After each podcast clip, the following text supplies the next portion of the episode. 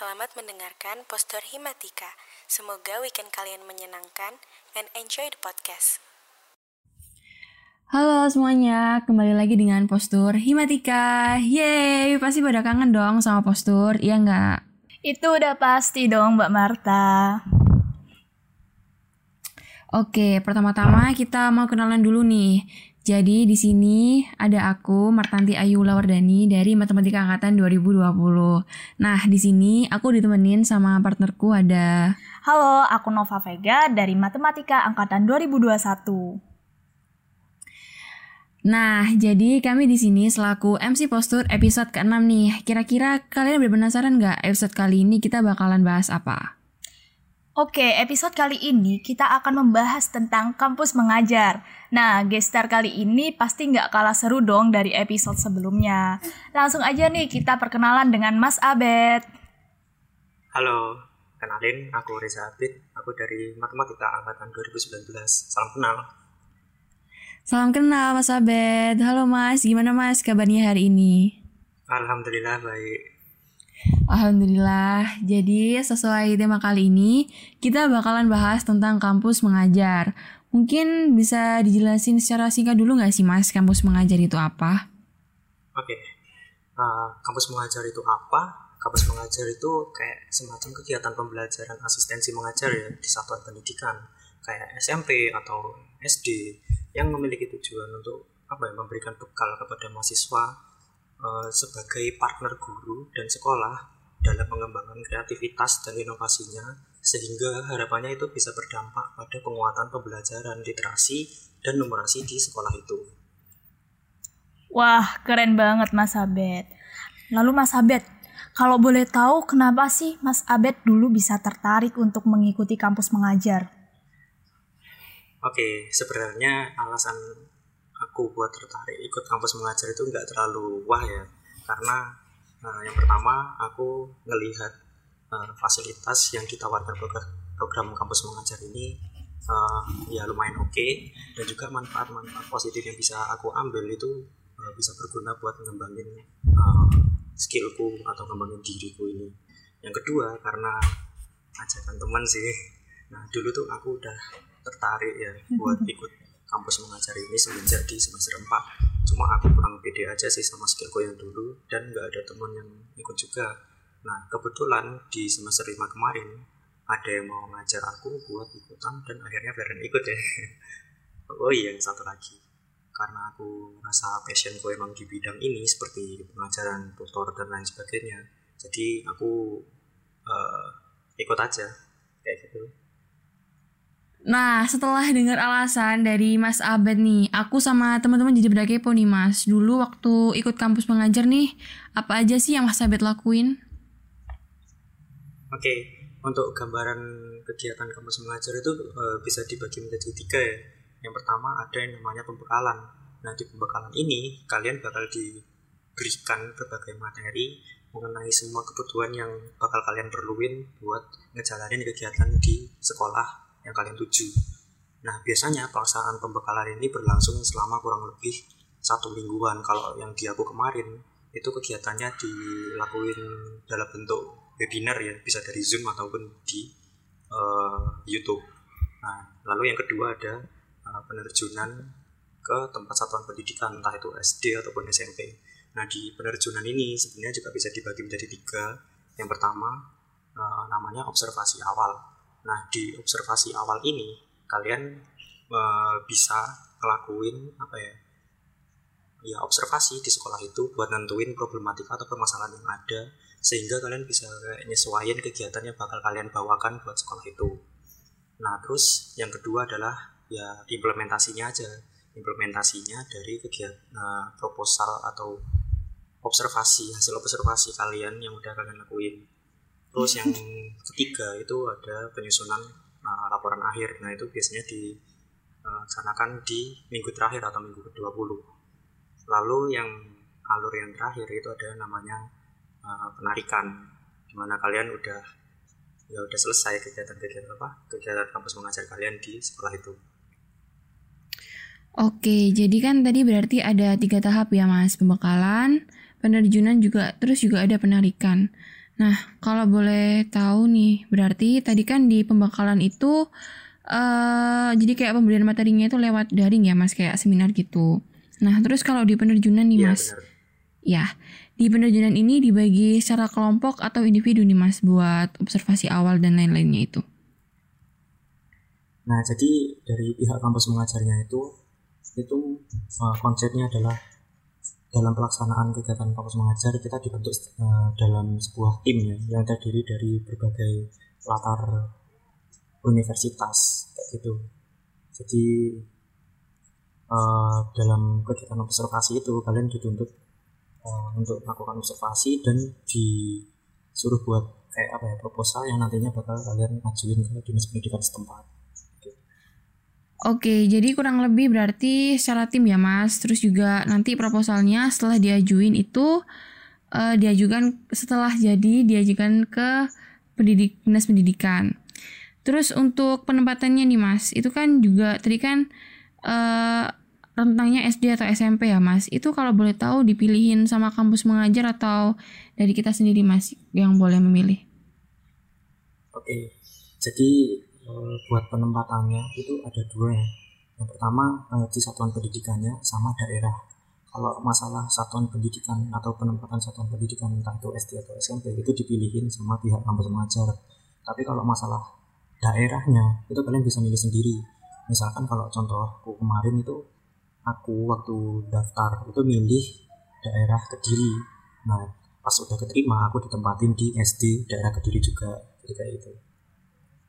Oke, itu tadi kalau nggak salah ada beberapa tahap untuk mengikuti kampus mengajar.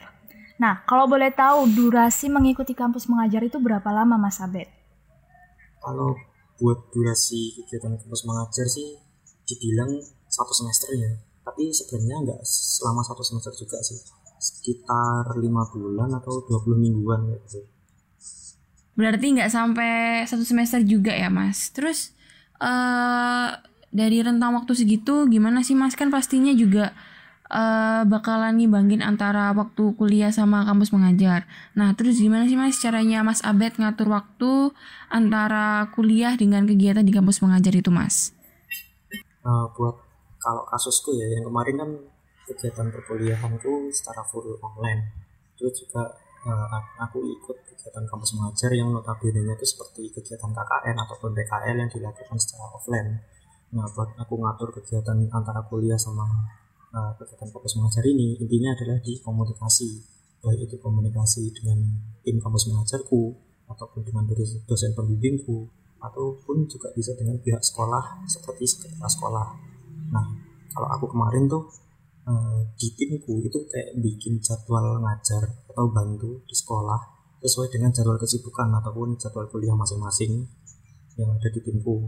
Seperti misalnya Senin itu jadwalnya siapa sama siapa, Selasa itu jadwalnya siapa sama siapa dan seterusnya.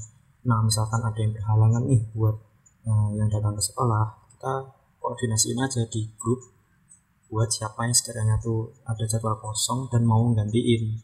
Nah, tapi semisal kalau ada kasus nih di mana uh, kalian kuliah offline, terus juga kalian ikut kampus mengajar. Nah, aku saranin kalau kalian misalkan tetap ingin ikut kegiatan kampus mengajar, kalian milih daerahnya tuh sesuai dengan daerah kampus kalian. Misalkan kalian kuliah offline di Surabaya, berarti kalian uh, milihnya uh, buat kegiatan kampus mengajar itu juga di Surabaya. Supaya apa? Supaya kalian tuh biar enggak apa ya terlalu terbebani buat ngelakuin dua kegiatan yang offline itu.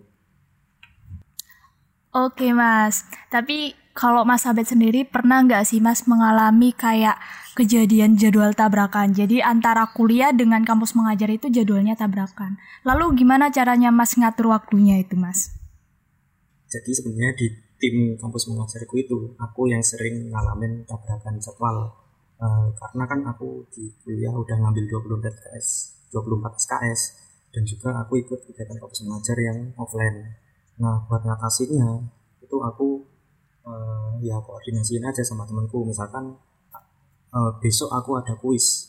Nah berarti kan pas besok juga itu aku juga ada jadwal di sekolah. Nah itu aku uh, ngomongin di grup kalau besok aku nggak bisa hadir dan sekiranya ada nggak yang mau gantiin uh, jadwalku itu. Misal ada ya berarti aku juga gantiin jadwal mereka di hari yang lain tapi misal kalau nggak ada ya udah mau nggak mau aku harus nyambi di sekolah jadi kurang lebih kayak gitu sih Oke, jadi kalau disimpulin, jadi harus pinter-pinter memanajemen waktunya ya. Ya, Itu kan salah satu manfaat nih. Tapi kalau manfaat selain itu yang didapatkan setelah mengikuti kampus mengajar apa aja, Mas? banyak ya manfaatnya bisa diambil dari kegiatan kampus mengajar seperti kalian bisa mengasah keterampilan sosial kalian seperti empati dan juga komunikasi. Kalian juga bisa mengasah keterampilan kepemimpinan soalnya kalian juga bekerja secara tim kan. Nah, terus kalian juga bisa uh, mengembangkan kreativitas, pemecahan masalah dan juga inovasi kalian buat merancang kegiatan atau solusi problematika yang ada di sekolah itu. Nah, yang nggak kalah penting juga, kalian juga bisa mendapatkan pengalaman untuk mendampingi guru di sekolah dan juga mengajar dan belajar mengembangkan konten. Nah, maksudnya konten ini kalian bisa mempublikasikan kegiatan kalian supaya apa ya? Misalkan uh, eh, SD kalian atau sekolah yang kalian tempatin itu nggak terlalu terkenal. Nah, kalian bisa membuat konten seperti di Instagram atau di YouTube sehingga uh, apa ya impresi dari sekolah itu menjadi uh, lebih bagus saja. Nah, terus uh, misal kalau ada program semacam ini ya kayak kayak mengajar itu biasanya menawarkan konversi sebanyak 20 SKS lalu juga menawarkan sertifikat dan juga ada bantuan biaya hidup bulanan yang jumlahnya juga lumayan. Terus juga ada bantuan UKT misal kalau di bantuan UKT ini misalkan kalian ikut kampus kegiatan kampus mengajar itu di semester 5 nah bantuan UKT ini baru berlaku di semester depan. Misalkan di semester 6 kalian bakal ada potongan UKT sebanyak ya nominal yang udah ditawarkan lalu ada eh, ada dana transportasi misalkan uh, kegiatan kampus mengajar kalian itu terbilang jauh dari tempat tinggal kalian. Nah itu uh, di pihak kampus mengajar bakal uh, ada dana transportasi seperti biaya tiket pesawat, kereta api, dan bis untuk satu kali perjalanan PP. Terus juga ada fasilitas swab antigen sebanyak dua kali. Seperti itu. Wah, berarti banyak banget ya Mas manfaat dari mengikuti kegiatan kampus mengajar ini. Mulai dari diri sendiri, orang lain, juga biaya hidup serta biaya kuliah juga ya mas. Terus kalau boleh tahu nih mas, apa aja sih persyaratan buat ikut kampus mengajar? Terus gimana sih mas, mas buat alur pendaftarannya itu? Oke, jadi uh, persyaratan ikut kampus mengajar ini uh, yang pasti ya kalian terdaftar sebagai mahasiswa aktif di PTN kalian. Lalu kalian minimal berada di semester 4 buat tahun pendidikan yang udah ditentuin sama pihak kampus mengajar. Lalu kalian juga uh, belum pernah diterima di kampus mengajar yang sebelumnya seperti kampus mengajar perintis, kampus mengajar angkatan 1 dan juga kampus mengajar angkatan 2. Nah, karena uh, yang sekarang juga sedang berjalan kampus mengajar 3 berarti untuk uh, pendaftaran kampus mengajar berikutnya kalian juga uh, tambahan ada tambahan syarat bahwa kalian juga belum pernah ikut kampus mengajar angkatan 3 terus ada juga misalkan dokumen wajib yang bisa kalian siapkan ya buat uh, pendaftaran itu yaitu ada transkrip nilai, surat keterangan sehat, surat rekomendasi dari PTN, terus juga surat uh, persetujuan orang tua. Misalkan kalian ada dokumen tambahan seperti uh, bukti pengalaman organisasi atau mengajar atau sertifikasi prestasi itu juga boleh kalian upload. Nah mungkin untuk selebihnya buat alur pendaftaran bisa kalian cek di website kampus mengajar lalu kalian pilih program uh, ya kampus mengajar. Oke mas, berarti tadi kan aku dengar minimal semester 4 ya mas. Itu minimal semester 4 berarti uh, mahasiswa yang udah semester 5 ya mas? Atau yang lagi berjalan di semester 4 boleh ikut? Kalau minimal semester 4 berarti di semester 4 pun juga boleh ikut. Gitu. Kalau malah kemarin itu aku denger yang di zamanku ya, itu minimal semester 5.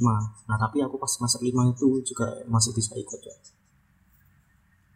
Oke, jadi aku boleh daftar nih Mas ya di next uh, open pendaftaran kampus mengajar. Tapi buat Novek nih kayaknya belum boleh deh. saya masih semester 2 ya Novek ya. Masih lama okay. saya Mbak. iya, tahun depan. Oke Mas. Lalu kalau nggak salah dengar tadi, belum pernah mengikuti kampus mengajar. Berarti artinya hanya boleh satu kali untuk mengikutinya ya mas? Iya benar banget. Jadi mungkin ya dari pihak kampus mengajarnya tuh pengen memberikan kesempatan bagi mahasiswa lain buat uh, ngasih solusi atas permasalahan yang ada di uh, satuan pendidikan dasar ataupun satuan pendidikan menengah di Indonesia. Mungkin seperti itu sih. Oke, jadi itu yang menjadi persyaratan dan juga alur pendaftarannya. Sebagai penutup nih, Maps, gimana kesan dan pesan ikut kampus mengajar? Oke, mungkin kesan yang bisa aku dapetin ya, yang pertama adalah seneng banget aku bisa ikut program kampus mengajar. Karena apa? Karena di sana aku bisa uh, ngedapatin berbagai apa ya pengalaman baru, juga bisa ngembangin skill baruku aku juga bisa bertemu dengan, dan berdinamika bersama dengan teman baru yang dia itu berasal dari latar uh, universitas yang berbeda. Aku juga bisa mendapatkan keluarga baru di sekolah itu dan juga bisa mengenal uh, karakteristik karakteristik dari anak SD yang mempunyai sifat-sifat yang unik. Mungkin untuk pesannya uh, kegiatan kampus mengajar ini bisa terus berlanjut dan juga bisa memberikan manfaat uh, buat semua orang khususnya mahasiswa yang mengikuti dan juga pihak sekolah yang ditunjuk untuk sarana kegiatan kampus mengajar. Oke, keren banget. Seriusan ini keren banget. Oke teman-teman, gak kerasa kita udah di penghujung episode 6 kali ini. Terima kasih banyak untuk Mas Abed yang udah sharing-sharing tentang kampus mengajar. Semoga topik yang kita bawa pada episode ini bisa bermanfaat buat teman-teman semuanya. Amin, pastinya sangat bermanfaat banget dong Novek ya kan, jelas. Oke, terima kasih ya Mas Abed sudah menemani kita di postur episode ke-6 kali ini. Oke, sama-sama. Oke, bye-bye semuanya. Sampai jumpa di episode postur selanjutnya ya. Dadah. Dadah semuanya. Terima kasih sudah mendengarkan postur Himatika di episode kali ini.